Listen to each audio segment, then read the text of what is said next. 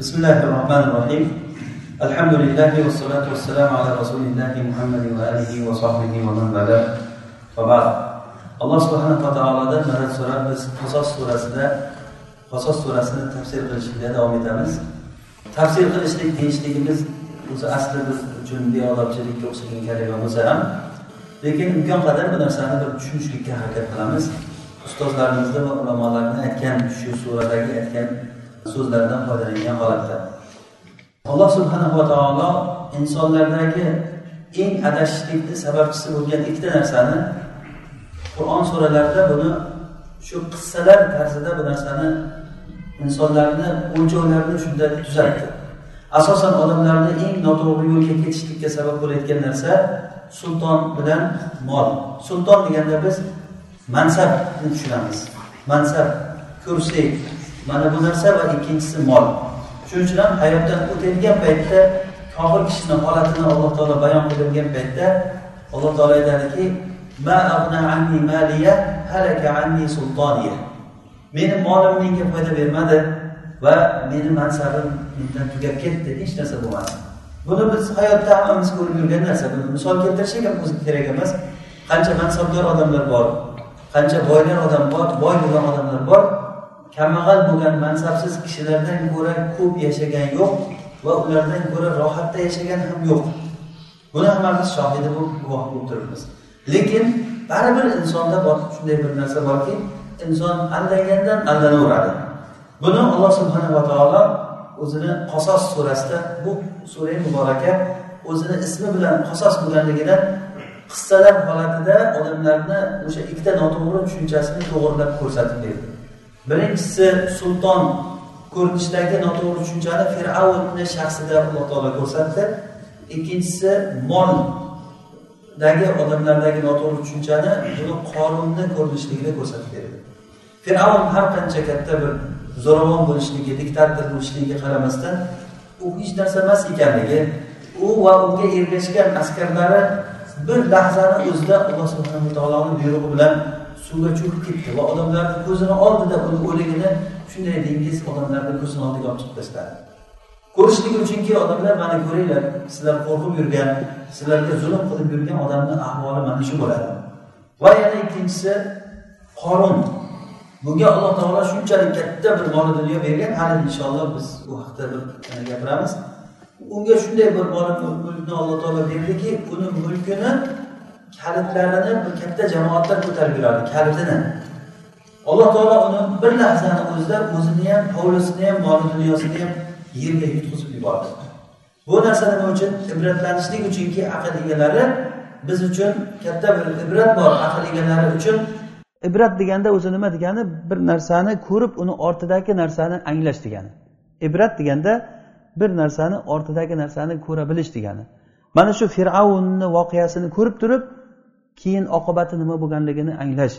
Buni ortida ha demak insonni podshohligi foyda bermas ekan degan ilm odamda paydo bo'lsin. Qorinni holatini ko'rib ibratlangan odam bitta ilm paydo bo'lishligi uchunki ha demak moli dunyo foyda bermas ekan odamga. Alloh taoloni azobi kelgan paytda mansab ham moli dunyo ham foyda bermas ekan degan ibrat tushuncha paydo bo'lishligi uchun. Yana qur'oni karim odamlarni shunday tarbiyaladiki xuddi odamlarni holati bir yosh bolani kattarog'i ko'rinishi o'zi aslida. Yosh bola qo'lida bir o'yinchoqni o'ynab turgan bo'lsa agar shu o'yinchog'i agar sinib qoladigan o'ynashligi xatarli bo'lgan narsa bo'layotgan bo'lsa uni qo'lidan olsangiz u yig'laydi. O'sha uchun uni qo'lidan olishdan oldin yoki olib shu zahoti o'rniga boshqa narsani bersangiz shu bilan ovora bo'ladi. Xuddi shunga o'xshaydi alloh taolo insonlarni tarbiyalaganligi mana bu yo'lga emas mana bu yo'lga qarab yuringlar. Sizlar qo'rqib yurgan narsalaring hech narsa qilolmaydi. Qo'rqishlikka faqat ollohdan qo'rqinglar. Sizlar umid qilayotgan odamlar umid qilayotgan narsalar sizlarga hech narsa berolmaydi. Sizlar ollohdan umid qilinglar. Ollohdan o'zga sizlar ibodat qilayotgan butlar bo'lsin yoki zo'ravon odamlar bo'lsin olloh izn bermasa hech narsa qilolmaydi. Ibn taymiya rahimaulloh aytganlari kabi musibatni eng oson qiladigan narsa agar sizga bir odam tarafidan zulm kelayotgan bo'lsa bilingki o'sha odamni kuch harakatini shuni ishini olloh yaratib beryapti. Demak alloh taolo uni menga ravo ko'ryapti. Agar yaratmasa alloh taolo u menga bo'lmasdi. Bilingki ollohni sizga xohishi bo'lyapti. Bunga sabr qilasiz. Albatta bu sabr qilib turib bir kishi sizni kaltaklasa olloh bunga buyuryapti deb tutib turilavermaydi. Bunga biz sabablarni ushlaymiz inshaalloh darsimizni oxirida bu haqda batafsil gapiramiz. Bu sura qasos surasi asosan mana shu ikkita muammoni odamlarga yechib bergan. Fir'avn haqidagi voqeani muso alayhissalom bilan voqealarni uzunroq gapirilgan va oxirida qorunni voqeasini gapirgan alloh taolo bu ikkita narsa odamlardagi ikkita muammoni yechib beradi. Birinchisi sultonlik ikkinchisi mol muammosi. Agar odam yoshligidan bir tijoratchi xonadonda katta bo'lsa ishi dardi pul bo'ladi katta bo'lgandan keyin ham ham uni mezoni pul bo'ladi. Hamma narsani pul bilan o'lchaydi pul bilan hisoblaydi. Lekin o'shanday bo'lgan bola ham katta bo'lgandan keyin tijorat qilsin boshqa qilsin boyigandan keyin boyib bo'ldi men maqsadimga yetdim demaydi. Keyin sultonlikka harakat qiladi keyin. Pulni topgan pullarini qanchadir qismini sarflab u mansabga erishishlikka o'tadi. Boyigandan keyin indamay turavermaydi odam.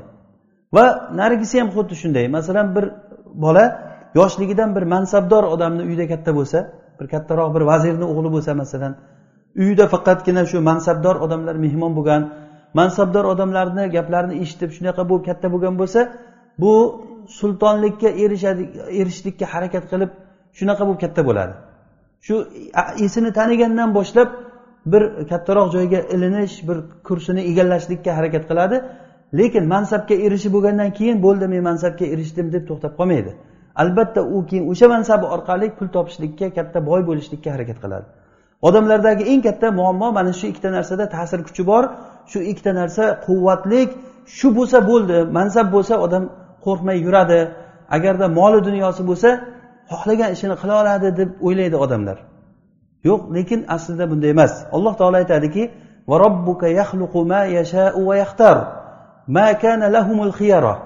subhanallohi va taala amma yushrikun. Seni robbing o'zi xohlagan narsani ixtiyor qiladi yaratadi va xohlagan narsasini ixtiyor qiladi. Ya'ni yaratishlik ollohni qo'lida va ixtiyor qilishlik bir narsalarni xohlashlik ollohni qo'lida. Olloh nimani xohlasa shu bo'ladi. Olloh nimani xohlasa mana shu narsa yaratilinadi olloh xohlamagan narsa bu vujudda umuman hodis bo'lmaydi umuman paydo bo'lmaydi. Ollohni xohlagan narsasi bo'ladi. Subhanallohi va taala amma yushrikun. Alloh taolo odamlar shirk keltirgan narsasidan pokdir deb ularni shirk keltirganligini aytishligi ham asosan odamlarda shirk mana shu ixtiyor ollohdan boshqada bo'ladi degan tushunchadan kelib chiqadi. Ollohdan boshqalar ixtiyor qilsa menga yomonlikni xohlasa bo'lib qoladi deb odamlar boshqa narsalarga ibodat qiladi. O'shalar menga foyda bersin deydi. O'shalar mendan menga keladigan bir zararni ketkizsin deydi. Moli dunyomga baraka bersin deydi. Mana bu narsa shirk xuddi shu narsa uni dardi uni muammosi mana shu yerdan paydo bo'ladi. O'sha uchun ham alloh subhanava taolo aytyaptiki subhanallohi va taala amma yushrikun va robbuka ya'lamu ma tukinnu suduruhum va ma yu'linun. Alloh taolo ularni qalblari yashirib qo'ygan narsalarini yaxshi biladi. Odamlarni ichida yashirib odamlar ichlarida o'ylab turgan narsalarni biladi va oshkor aytayotgan narsalarni ham alloh taolo biladi. La ilaha illahu lahul hamdu fil ula val axirah va lahul hukmu va ilayhi turjaun. Biz mana shu joyga kelib qolgan edik asosan. Va huvalloh huva deganligi mana shu biz yuqorida aytgan sifatlar egasi hamma narsani yaratuvchisi uni xohlagan narsasi bu koinotda mavjud bo'lishligi xohlamagan narsasi bo'lmasligi butun xohish egasi bo'lgan olloh ana shu zot. Huvalloh. U olloh shudir. Lahul hamdu fil ula val axira dunyoda ham oxiratda ham hamd unikidir. Hamd ya'ni butun maqtov hamma maqtov ollohniki degani. Alloh taolo mana shu hamd kalimasi nihoyatda bir muhim kalima ekanki o'zining eng buyuk kitobini shu kalima bilan boshladi. Alhamdulillahi robbil alamin. Alloh taolo o'zini robbil alamin ekanligida hamd egasi ekanligini xabar beryapti. Hamd deganligi bu agarda yaxshiligi bo'lmasa ham maqtalingan degani. Alloh taolo koinotni yaratishligidan oldin butun maxluqotlarga yaxshiliklarni berishligidan oldin ham mahmud zot edi. Hamid zot edi. Ammo shukur bo'layotgan bo'lsa shukur bilan hamdni farqini biz o'tganda aytgan edik. Shukur degani bir yaxshilikni evaziga qilinadigan maqtovni shukur deyiladi. Masalan sizga bir kishi yaxshilik qilsa unga siz tomoningizdan qaytadigan kalima yoki ish shukur bo'ladi. Alloh taolodan keladigan yaxshiliklarni evaziga aytilinadigan so'zlar shukur bo'ladi. Lekin hamd deganligi shukurdan ko'ra umumiyroq shukurdan ko'ra umumiyroq agarda yaxshilikki bo'lmasa ham agar yaxshilikni bermasa ham alloh taolo hamdga loyiq zot degani. Masalan bir kishini odamlarni qachon maqtaniladi? O'zini qiladigan ishini yaxshi qilsa maqtaniladi.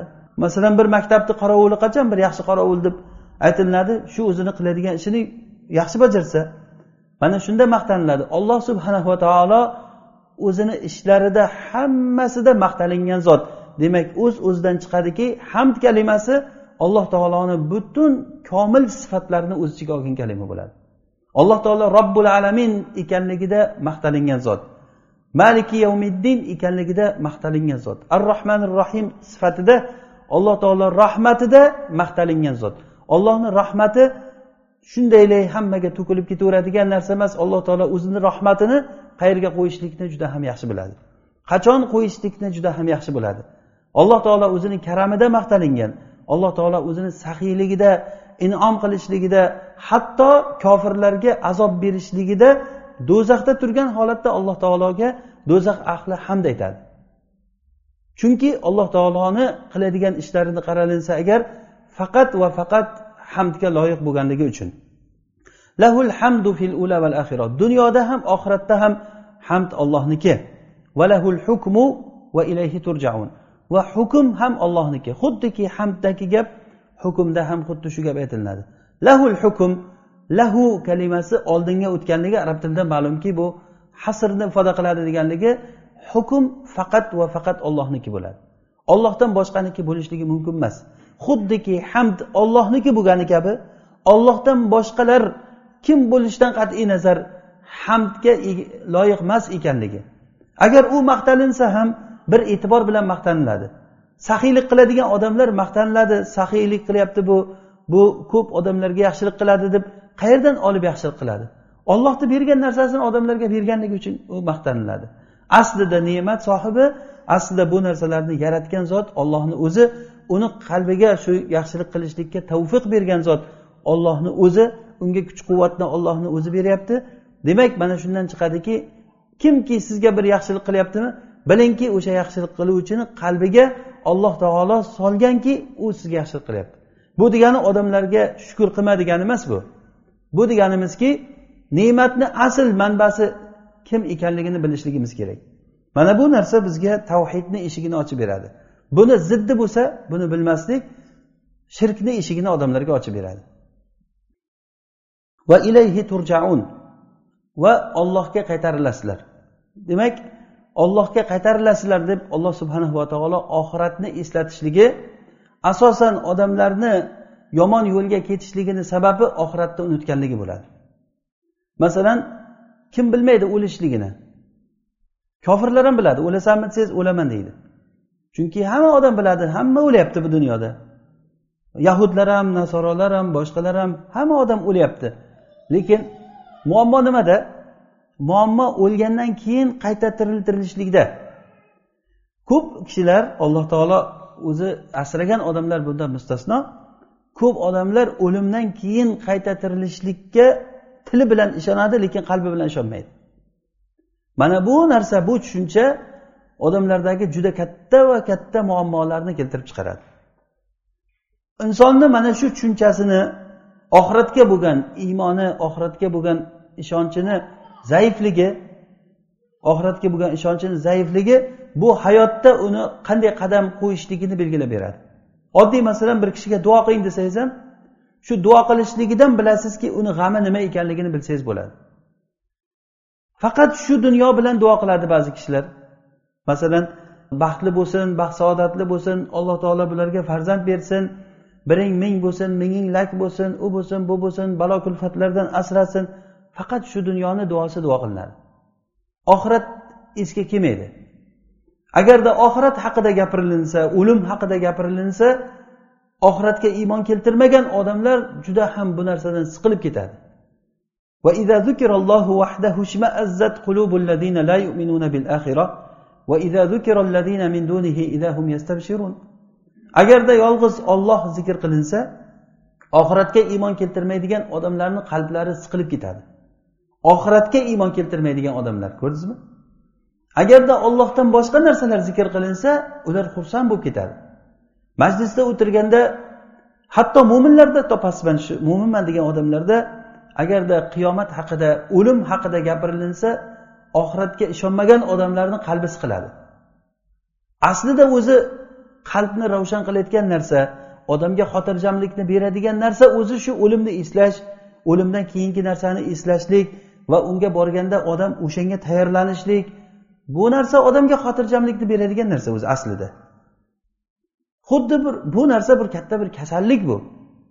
Kasallik shu narsaki odam o'sha o'ziga ziyon bo'lsa ham o'sha kasallikka qarab harakat qiladi. Xuddiki odamni bir badani agar bir qichiydigan bo'lsa o'sha qichiydigan joyini qoshilashlik odamga rohat beradi agar zarar bersa ham. Hattoki qonatib yuborsa ham o'sha joy rohat bo'ladi. Bir temirni qo'lingizga olib turib shu qichigan joyini odam qoshilaydi o'sha joy qonab ketsa ham sezmaysiz keyin alam bilinadi o'shani. Insonni qalbidagi maraz kasallik ham xuddi shundayki faqat dunyoni muhabbati o'tirib qolgan odamlar faqat dunyo gapirilinsa xursand bo'ladi. Masalan ulamolar agar g'iybat qilinsa ba'zi odamlar xursand bo'ladi. Falon olimni bunday aybi bor piston olimni bunday aybi bor yoki bir majlislarda o'sha munkar gaplar gapirilinsa fahsh gaplar gapirilsa billah odamlar xursand bo'ladigan odamlar bor. Lekin o'sha odamlarga agar oxirat eslatilinsa o'lim haqida gapirilinsa o'sha majlisdan turib ketgisi keladi. Hattoki mo'min bo'lgan kishilar bir majlisni boshdan oxirigacha ollohni zikri bo'lishligi qiyomat bo'lishligi bu narsa yoqtirmaydi odamlarni nima sabab? Sababi shuki bu inson ich ichidan shu oxiratga iymon keltirganligi yo yo'q bo'ladi yoki bo'lmasa juda ham zaif. Alloh taolo mana shu muammoni yechishlik uchun qur'onda bir qancha joylarda ilayhi turjaun ollohga qarab qaytarilasizlar deb aytgan. Hattoki yuzdan ziyod qur'onda yuzdan ziyod joylarda oxiratni mavzusi bo'lgan. Ya'ni mavzu nima? Oxiratni eslatadigan oyatlar emas bitta bitta. Bu oyatlar mingdan necha qanchalab mana buni sanasangiz juda ko'p. Lekin mavzu ya'ni uzun bir mavzu oxirat haqida qiyomatni holati haqida gapiradi. Masalan yavma yajmaullohu rusul deb turib qiyomat kunida alloh taolo payg'ambarlarni hammasini jamlaydi. Yoki bir qiyomat kunida alloh taolo iso ibn maryamga aytadiki ey iso sen odamlarga aytdingmi menga ibodat qilinglar deb deb o'sha qiyomat kunida mana bunday bo'ladi qiyomat kunida mana bunday bo'ladi. Bir qiyomat kunida shunday bir yuzlar borki qora bo'ladi. Olloh asrasin. Ba'zi bir yuzlar borki yuzlar oq bo'ladi. Ammo yuzi qora bo'lgan odamlar mana bunday bo'ladi. Yuzi oq bo'lgan odamlar mana bunday bo'ladi deb uzun siyoq deyiladi buni. O'sha mavzuda oxirat mavzusi haqida gapiradi. Yuzdan ziyod joylar bor. Ya'ni nima uchun alloh taolo bunga qattiq ko'p urg'u berib ko'p gapirilingan bu narsa biz uchun juda ham muhim. Odamlarni asosiy kasalliklaridan biri. Qalblaridagi kasalliklaridan biri oxiratga bo'lgan iymon yo'qligi. Yoki o'ta ham zaif. Eshitgisi ham kelmaydi eslagisi ham kelmaydi. Alloh taolo mana shu narsaga qaytishlik uchun va ilayhi turjaun va ilayhi turjaun ollohga qaytib borasizlar ollohga qaytib borasiz ertaga hammamiz o'lamiz. O'lganimizdan keyin qayerga boramiz? O'lgandan keyin qabrga borasiz. Hammamiz ko'rib turibmiz bu narsani. Ollohga yo'liqdi degani bu narsa. Dunyoni lazzatlari o'zi aslida oxiratni eslashlik bilan e, rohatli bo'ladi. Odam bu narsani to'g'ri tushunmaganligi uchun rohatlanishlik uchun dunyo lazzatini faqatgina eslashlikni masalan bir o'yin kulgi bo'lib turgan joyda oxirat haqida gapirsangiz qo'y bugun xursandchilik kuni go'ri qiyomatdan gapirasanmi? deb oxiratni gapirgan odamlarni yomon ko'rishligi mumkin. Lekin vaholanki dunyoni o'zi lazzatlari bu noqis lazzat. Demak odamlardagi noto'g'ri mezon noto'g'ri tarozi bor. Bu tarozi shuki faqatgina mana shu dunyoni hayotini o'ylab qolishlik aslida o'zi bu dunyoni hayoti bilan o'lim ikkovsi bir xil narsa.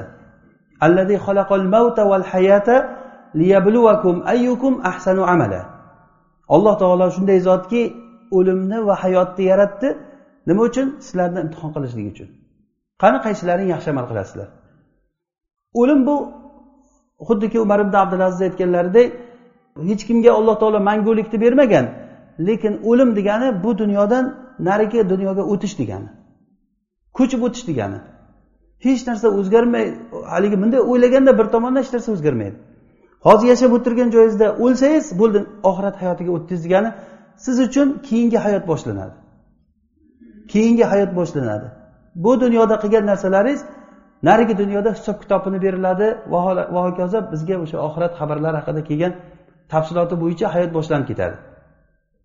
Aslini olganda o'zi shu. Mana bu tushuncha to'g'ri bo'lmagandan keyin insonda faqat shu hayotni o'ylagan odam bu hayotdan narigi tomonni o'ylamagan odam uchun o'limni gapirishdan ko'ra yomon narsa bo'lmaydi. Umar ibn abdulaziz aytgan ekanki sizlar shunday bir tomonga qarab ketyapsizlarki odamlarga qaratib bir xutbalarda aytgan ekanlarki sizlar shunday bir tomonga qarab ketyapsizlarki agar o'sha boradigan joylaringda yolg'onchi desanglar sizlar halok bo'lasizlar. Ya'ni biz hozir qayerga ketyapmiz oxiratga ketyapmiz hammamiz. Kunlarimiz o'tgan sari oxirat boshlanib ketyapti. Oxirat kelyapti yaqinlashyapti. Agarda sizlar o'sha borayotgan joyda yolg'on yo'q u bo'lmagan gap desanglar hammalaring halok bo'lasizlar. Agarda o'sha boradigan joyga iymon keltirgan bo'lsalaring amallaring shu bo'lib turib sizlar ahmoq ekansizlar degan. Qaysi aqlli odam erta boradigan joyim qiyomatda yo jannat yo do'zax bo'ladi men boradigan qabr yo jannat bog'laridan bir bog' bo'ladi yo do'zax chog'laridan bir chog' bo'ladi. Farishtalar meni og'zimdan chiqqan kalimani biror bir kalimani chiqmayaptiki illo o'shani batafsil yozib boryapti deb iymon keltirgan odamni amali shu bo'ladimi? Biz hozir qayerga qarab ketyapmiz? Biz oxiratga qarab ketyapmiz. Har bitta o'tgan soniya bizni umrimizni orqada qoldirib oxiratga bo'lgan vaqtimizni yaqinlashib kettiryapti. Hammamiz ketyapmiz shu yoqqa qarab. Ertaga kimnidir kuni tugagan paytda oxirat hayotiga o'tib ketaveradi bitta bitta o'tib ketaveradi. Bu ko'ryapmiz o'zimiz qo'limiz bilan olib borib qo'yyapmiz qabrga odamlarni. O'sha qabrga borib qo'ygan joyni o'sha hayotni biz tasdiqlaganmizmi yo'qmi? Agar tasdiqlagan bo'layotgan bo'lsak tasdiqlab turib amallaring shu bo'layotgan bo'lsa deyaptilar sizlar unda ahmoq ekansizlar degan. Agar tasdiqlamagan bo'lsanglar unda halok bo'lgan odam bo'lasizlar. Oxiratni tasdiqlamagan odam nima bo'ladi? Oxirat tasdiqlamagan odam umuman deyilmaydi kofir bo'ladi. Agar oxiratni tasdiqlagan bo'lsa oxiratni tasdiqlagan odam shunday qilib amal qiladimi? Umrini shunday qilib o'tkazadimi? Ertalabdan kechgacha nima qilyapti odam oxirat uchun? Aniq biladimi shu oxirat borayotgan joy oxirat ekanligini aniq bilasanmi desangiz bilaman deydi. Xuddiki ertaga imtihon degan tolib uxlab yotgan bo'lsa turg'izib turib ertaga imtihonliging esingdami desa ha esimda tayyorlanish kerak lekin deb qo'ysada yana ovqat yeyversa yana uxlayversa turg'izib qo'ygandan keyin. Yana ogohlantirilsa yana qilmasa yana ogohlantirilsa yana qilmasa u nima deyish kerak o'sha tolib ilmni? Yo u atay o'sha sinfdan sinfga qolmoqchi imtihondan yiqilib o'zini o'zi atay yiqitmoqchi. Yo bo'lmasa buni aqlida bir muammo bor degani. Bo'lmasa imtihon borligini bilgan odam va u imtihondagi savol javoblar nima ekanligini ham inson yaxshi bilsa nimadan savol javob bo'lishligini yaxshi bilsa o'sha kunda faqat insonni o'zini qilgan amalidan boshqa narsa foyda bermasligini inson aniq bilib turib nimaga o'sha imtihonga tayyorlanmaydi? Demak bu insonni aqlida bir narsa bor degani. Keyin bu surani davomida alloh taolo kecha va kunduzni aylanishligi haqida gapirdi. Bu kecha kunduzni haqida gapirishligimizdan oldin biz kecha kunduzni qiyomatga aloqasi haqida hozir aytganlarimizdek buni kuchli aloqasi bor. Alloh taolo aytyaptiki va ilayhi turjaun sizlar ollohga qaytarilasizlar deb turib قل أرأيتم إن جعل الله عليكم الليل سرمدا إلى يوم القيامة من إله غير الله يأتيكم بضياء أفلا تسمعون agarda alloh taolo kechasini sizlarga doimiy qilib qo'ysa hech kunduzi bo'lmasa kim sizlarga kunduzni olib keladi bu nurni kim olib keladi sizlarga shunday ekan quloq solmaysizlarmi ma'ruzalarga da'vatlarga quloq solmaysizlarmi deb kecha va kunduz undan keyin kunduz haqida alloh taolo gapirdi Kecha va kunduz haqida gapirilishlik bu oxiratga bo'lgan oxiratni eslatishlikni o'zi bu. Ya'ni kecha va kunduzni aylanishligi degani bizni vaqtimiz o'tyapti. Ibn abbos roziyallohu anhu bir kun majlisda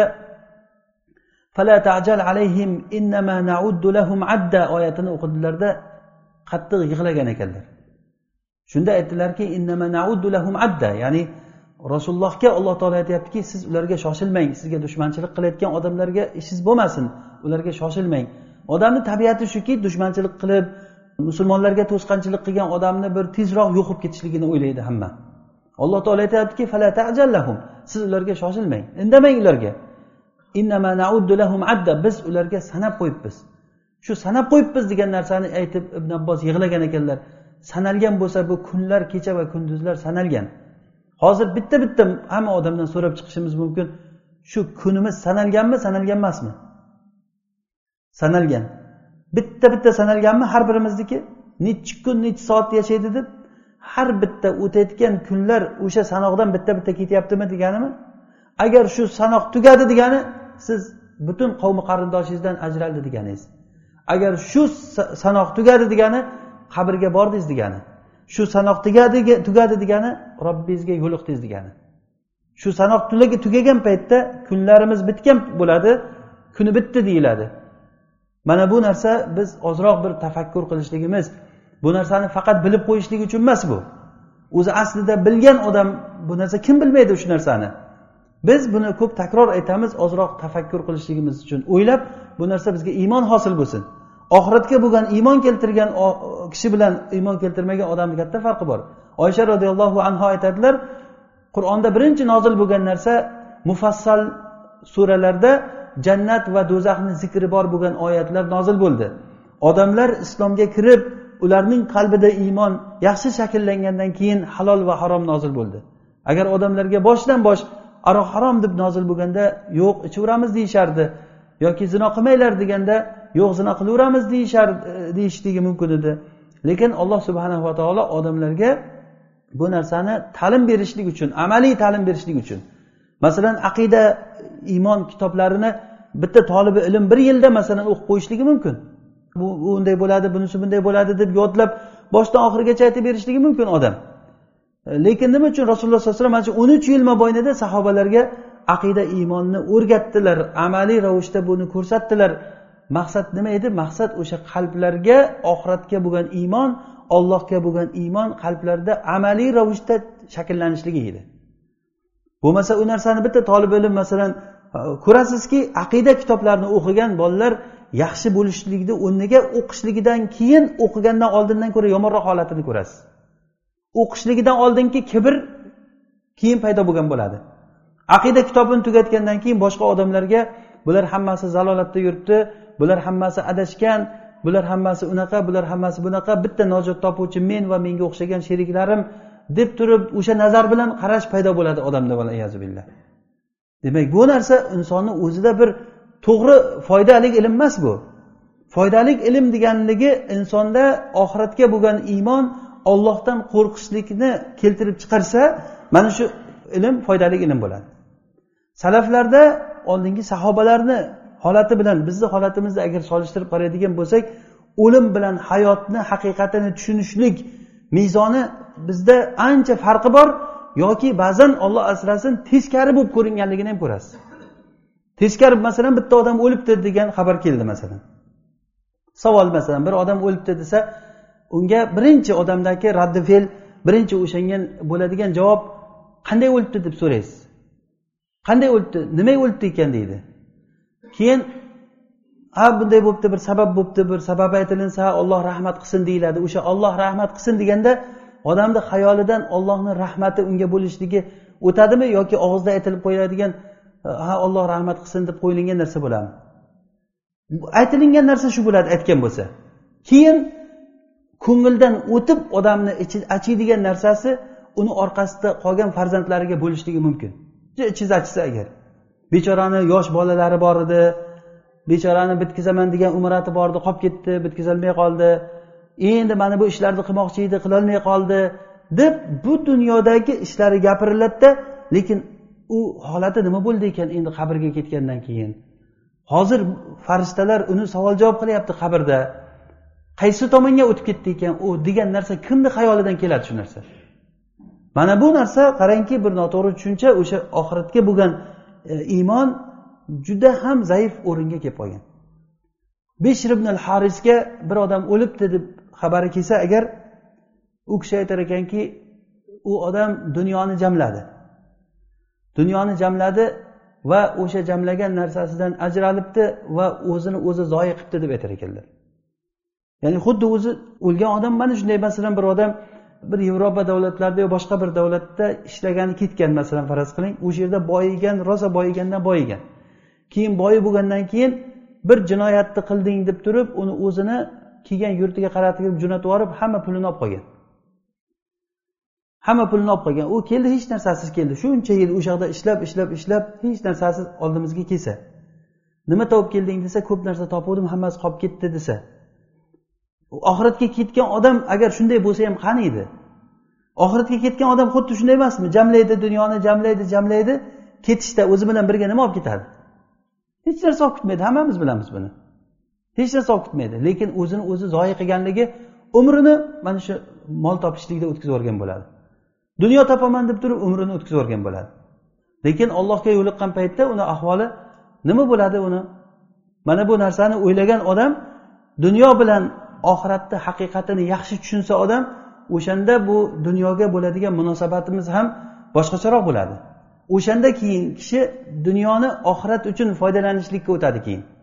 Bu dunyodan oxirat uchun foydalanishlik. Bo'sh vaqt bo'ldimi?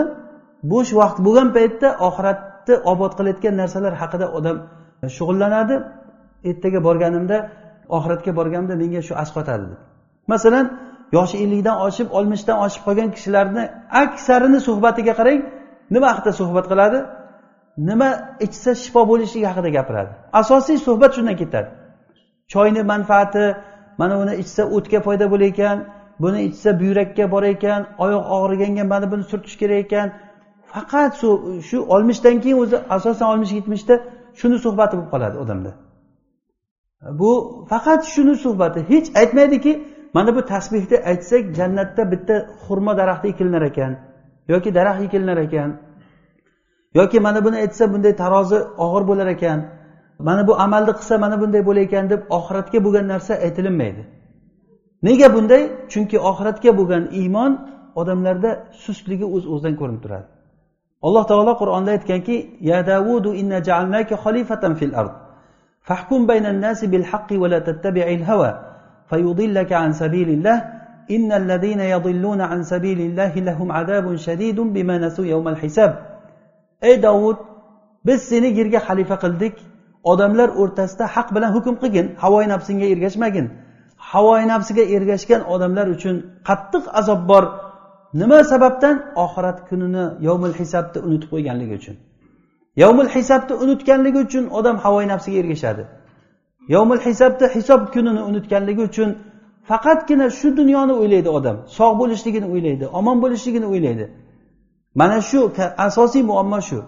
Odamlarni eshitasiz ba'zilarini boy odamlardan ba'zilari qarib ko'p yoshga kirgan bo'lsa kambag'allardan ham nechtasi shu yoshga kirib undan ham ko'p yoshga kirganlar ko'p. Lekin o'sha masalan podshoh bo'lib turib yoshi katta bo'lsa nimaga bu o'lmayapti ekan degan savol bo'lsa aytadiki u qon almashtirar ekan yoki toza narsalarni yeb yuradi hamma narsani yaxshisini yeydi shuning uchun o'lmaydi degan odam bu olloh taoloni qilayotgan ishiga iymon keltirmagan odamni gapi bu. Alloh taolo yaxshi toza narsani yegan odamlarni o'ldirmayaptimi? Hattoki ba'zi odamlarni ko'rasizki uyida havoni tozalaydigan bir narsalar qo'yib turib toza havo olishlikka harakat qiladiki nima uchun desa toza havo olgan odam ko'p umr ko'rar ekan deb. Toza havo olmasa o'sha umrni ko'rmaydimi odam? Toza narsa yeb yursa masalan bir zararli narsalar bo'lsa shu faqat mana bu xolesterinni ko'paytirar ekan mana bu yog' muncha zarar bo'lar ekan. Faqat ishi dardi choyni zarari mana buni bunisi buni bunisi mana shu narsa haqida gapirdilar nima uchun bunchalik? O'limdan qo'rqqanligi uchun odam. O'limga iloji boricha ko'proq yashash bir sutka bo'lsa ham ko'proq yashashga harakat qilinadi. Lekin odam yaxshi toza narsalarni yesa ko'proq yashaydimi savol? O'sha odamdan so'rasangiz shu toza narsalarni yesa ko'proq yashaydimi? Yo'q endi sabablarni ushlash bobidan bo'lyapti bu. Sabablarni ushlash kerakku. To'g'ri sabablarni ushlashligimiz kerak. Lekin sabablarni ushlatish bilan natijani o'rtasida katta farq bor. Bir sabab biz sabablarni ushlaymiz alloh taolo bizga buyurganligi uchun. Nima uchun biz davolanamiz? Kasal bo'lsa nima uchun davolanadi odam? Davolanadi alloh taolo buyurganligi uchun. Olloh buyurganligi uchun masalan bir kasal odam puli yo'q davolanishlikka. Shu odam davolanmasa nima bo'ladi? Gunohkor bo'ladimi? Puli yo'qligi uchun davolanmasa bir odam. Yo'q. Alloh taoloni buyurgan buyrug'i qo'ldan kelgancha bajariladi.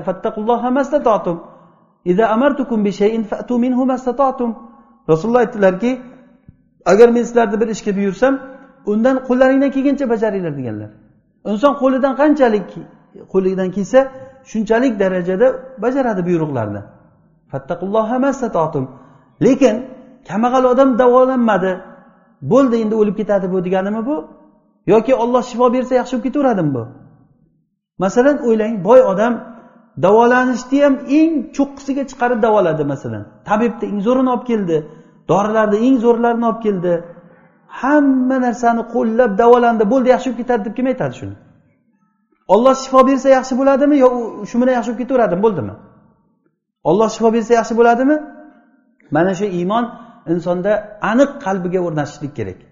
Sababni ushladingiz degani bo'ldi natija chiqdi degani emas bu. Sababni ushlamadi degani bo'ldi bu tamom o'ldi degani emas bu. To'g'ri olloh subhanava taolo sababsiz qilmadi bu koinotda lekin sababni ham yaratuvchisi olloh ekanligi esimizdan chiqmasin. Natijani yaratuvchisi olloh ekanligi esimizdan chiqmasin. Ibrohim alayhissalomni o'tga otgan paytlarida u kishi to'g'ri o'tga borib tushganda o'zi o'tga tushgan odam kuyish kerakmi?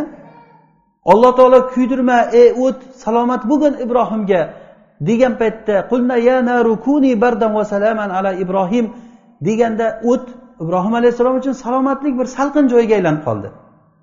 Alloh taolo mana shunday istisnolarni ko'rsatadiki odamlar mana bularni orqasidan istisnolardan bilishligi uchunki hamma narsa ollohni qo'lida ekanligini. Har xil shaklda alloh taolo buni ko'rsatib beradi.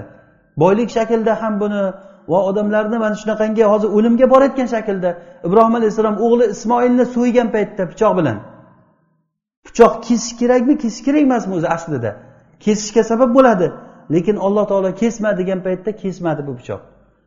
Bu nima uchun? Biz bilishimiz uchunki qachoniki pichoqqa olloh ruxsat bersa kesar ekan ruxsat bermasa kesmas ekan bu pichoqni tortishlik sabab lekin kesilishligi ollohni ixtiyori bilan bo'lar ekan bu. Shu narsa yaxshi bizga takror misollar bilan buni aytishimiz kerak. Bizdagi o'lim bilan hayotga bo'lgan munosabat bularni haqiqatiga bo'lgan tushunchamiz bu salaflarni tushunchasidan ko'ra ancha farq qiladi. Masalan abdulloh ibn masud roziyallohu anhu abdulloh zulbijadaynni janozasini gapirib beradilar. Bu kishi rasulullohni oldiga kelib iymon keltirib qo'shilgan paytda rasululloh sallallohu alayhi vasallam bir g'azotga chiqib ketayotgan edilar. Va kechqurun bir joyga to'xtadilar. Sahobalar kechqurun dam olayotgan paytda qorong'uda bir joyda olov yondi. Ibn masud aytadi men olov yongan joyga bordim. Borsam haligi kelgan zulbijadayn degan sahobiy u kishi o'sha shahid bo'lib kasal bo'lib o'lgan ekan. Rasululloh sollallohu alayhi vasallam qabrni ichida turibdilar. Qabrni ichida turibdilar rasululloh sollallohu alayhi vasallam. Qabrni tashqarisida abu bakr bilan umar turibdi ekan. Rasululloh aytdilarki birodarlaringni olib beringlar dedi. Abu bakr bilan umar rasulullohga abdullohni uzatdilar. Rasululloh qo'llari bilan qabrga qo'ydilar va qabrga qo'yib turib duo qildilarki ey ollohim men mana shu bandangdan rozi bo'ldim sen rozi bo'lgin deb duo qildilar. Men rozi bo'ldim sen rozi bo'lgin deb duo qilganlarida abdulloh ibn masud o'shani ko'rib turib men o'sha odamni o'rnida bo'lishlikda havas qilib o'shanda degan. Nega bunday? Masalan abu darda abu salama dunyodan o'tgan paytda rasululloh sollallohu alayhi vasallam abu salamani duo qildilar. Ey ollohim o'zing buni mag'firat qilgin uni illigingga joylashtirgin uni o'rnida orqasidan qolgan odamlarga o'zing o'rinbosar bo'lgin deb duo qilgan paytlarida abu dardo mana shu abu salamani o'rnida men bo'lsam qaniydi deb havas qilgan. Bu hayotdan bezor bo'lganligi uchun emas bu. Rasululloh sollallohu alayhi vasallam uni haqqiga duo qilib turganligi men shohidman shu bandangga men rozi bo'ldim ey ollohim sen rozi bo'lgin degan holatlarini ko'rib turib odam havas qiladiki mana shunday bo'lishlikni. Bu oxiratga bo'lgan iymon. Agar odamda oxiratga bo'lgan iymon qanchalik agar yaqin bo'laversa odam shunchalik darajada bir osonlashib ketaverar ekan xuddiki abu zurani bir voqeasi. Abu zura abu zurati roziy bu kishi imom ahmadni ashoblaridan bo'lgan ekan imom ahmadni shogirdlaridan bo'lgan. U kishini zuhdi u kishini taqvolari u kishini ilmdagi yurish turishi xuddi imom ahmadga o'xshatar ekan odamlar.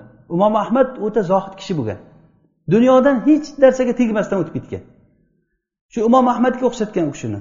O'lim holatida yotgan paytlarida abu hatim u kishini sheriklari abu hatim roziy oldilariga kirar ekan. Rasululloh sollallohu alayhi vasallam o'liklaringga la ilaha illallohni aytib turinglar deganliklari uchun laqinu ala mavtakum shahodat kalimasini aytib turinglar deganliklari uchun bunga aytamiz deganda bu endi la ilaha illalloh degin deb qanday aytamiz bunga? Bir umr la ilaha illalloh bilan yashagan kishi shuni boshqacharoq aytamiz deb keyin sanadi bilan aytib haddasana fulan haddasana fulan deb bittasi boshlab sanatni yarmigacha to'xtab qolgan ekan.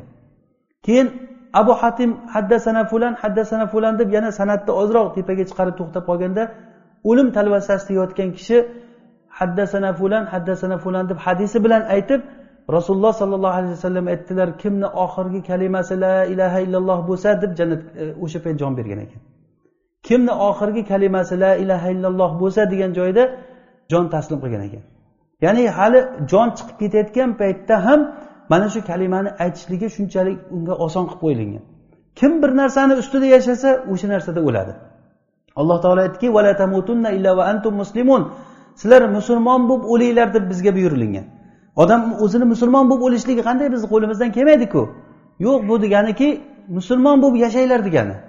Kim bir narsani ustida yashasa o'sha narsa ustida o'ladi. Masalan o'lim hozir bizga kutilib turibdi. Hozir o'lishligimiz mumkin.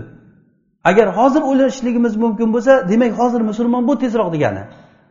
Sizni hayotingizdan biror bir lahza o'tmasinki illo sizga o'sha narsa islom bilan o'tsin iymon bilan o'tsin. Mana o'shanday holatda siz o'limga tayyor bo'lasiz. Agar o'ladigan bo'lsangiz xotirjam alloh subhanava taolo aytgandek ya ayatuha nafsul mutmainnah irji'i ila robbiki rodiyatan mardiya fadxuli fi ibadi vadxuli jannati. Ey xotirjam nafs!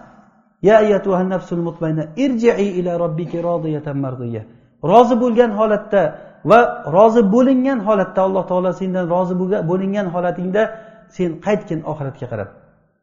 Meni bandalarimni ichiga kirgin deb alloh taolo buyuradi. Va jannatimga kirgin deb buyuradi. Mana bu xitob kimga bu?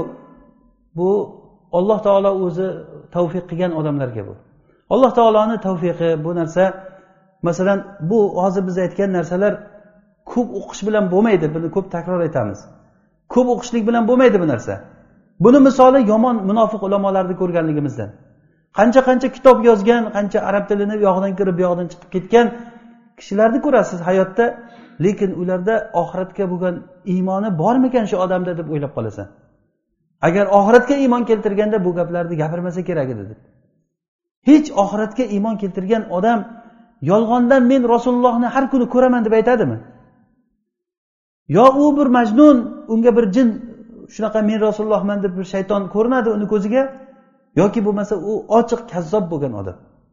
Lekin o'shanaqangi gaplarni aytayotgan odamni agar ilm darajasiga qarasangiz juda ko'p narsalarni o'qigan qur'onni tafsirini necha o'qib chiqqan bo'ladi arab tilini juda yam yaxshi biladigan vallayli ida yag'usha deganda nima deyilayotganligini bilib turadi shu odam. Lekin u aytilayotgan narsa u odamni qalbidan aylanib o'tib iymon hosil qilmaydi. Biz mana shu narsani darsimizda shuni o'rganamiz iymonni o'rganamiz bu iymon foyda beradigan ertaga bizga ollohga yo'liqqan paytimizda bizga foyda beradigan iymonni o'rganamiz. Alloh subhanava taolo mana shunday istisnolarda o'zini qudratini ko'rsatib bizga o'rgatdi. Istisno deganligimiz sabablarni qilgan paytda natija ollohni izni bilan chiqishligi sabablarni qilyapsiz natija ollohni izni bilan chiqyapti. Demak bilaylikki hamma narsaga alloh taolo qodir ekan. Olloh xohlasa dunyoni suv bostirib yuboradi. Xuddi nuh alayhissalomni davridagidek. Alloh taolo xohlasa dunyoni butun akramakumulloh masalan qurg'oqqa bosib ketishi ham mumkin. Mumkinmi mumkin emasmi bu? Mumkin. Fir'avn shuncha kuchli davo qilgan fir'avn qurbaqadan mag'lub bo'ldi. Chigirtka bosib ketuvdi mag'lub bo'ldi. Bit bosib ketuvdi mag'lub bo'ldi. O'shanda ham aqli ishlamayaptiki men bunga kuchim yetmadiku. Odamlarda ham aqli ishlamayapti. Bu fir'avn men sizlarni robbilaringman ilohlaringman degan kishi nega bu bitlarni yo'qotilmasdan musodan kelib turib yolvorib so'rayapti ey muso robbingga duo qilgin bizdan buni ketkizsin deb turib so'rayapti. Agar o'sha ham aqli ishlamadi ular. Alloh taolo buni ayati mufassolat qilib turib batafsil oyatlarda hech bir shubhasiz qilib ko'rsatib qo'ydi. Bularni hammasi yig'ilib kelib bizga bitta narsani beradiki bilinglarki hamma narsa ollohni qo'lida ekan hamma narsa ollohni qo'lida ollohni buyrug'isiz ollohni irodasisiz hech bir narsa sodir bo'lmaydi alloh taolo hammamizga foydali ilm bersin bu eshitganlarimizga alloh taolo amal qilishlikka o'zi tavfiq bersin darslarimizni alloh taolo davomiy qilsin سبحانك اللهم وبحمدك نشهد أن لا إله إلا أنت نستغفرك ونتوب إليك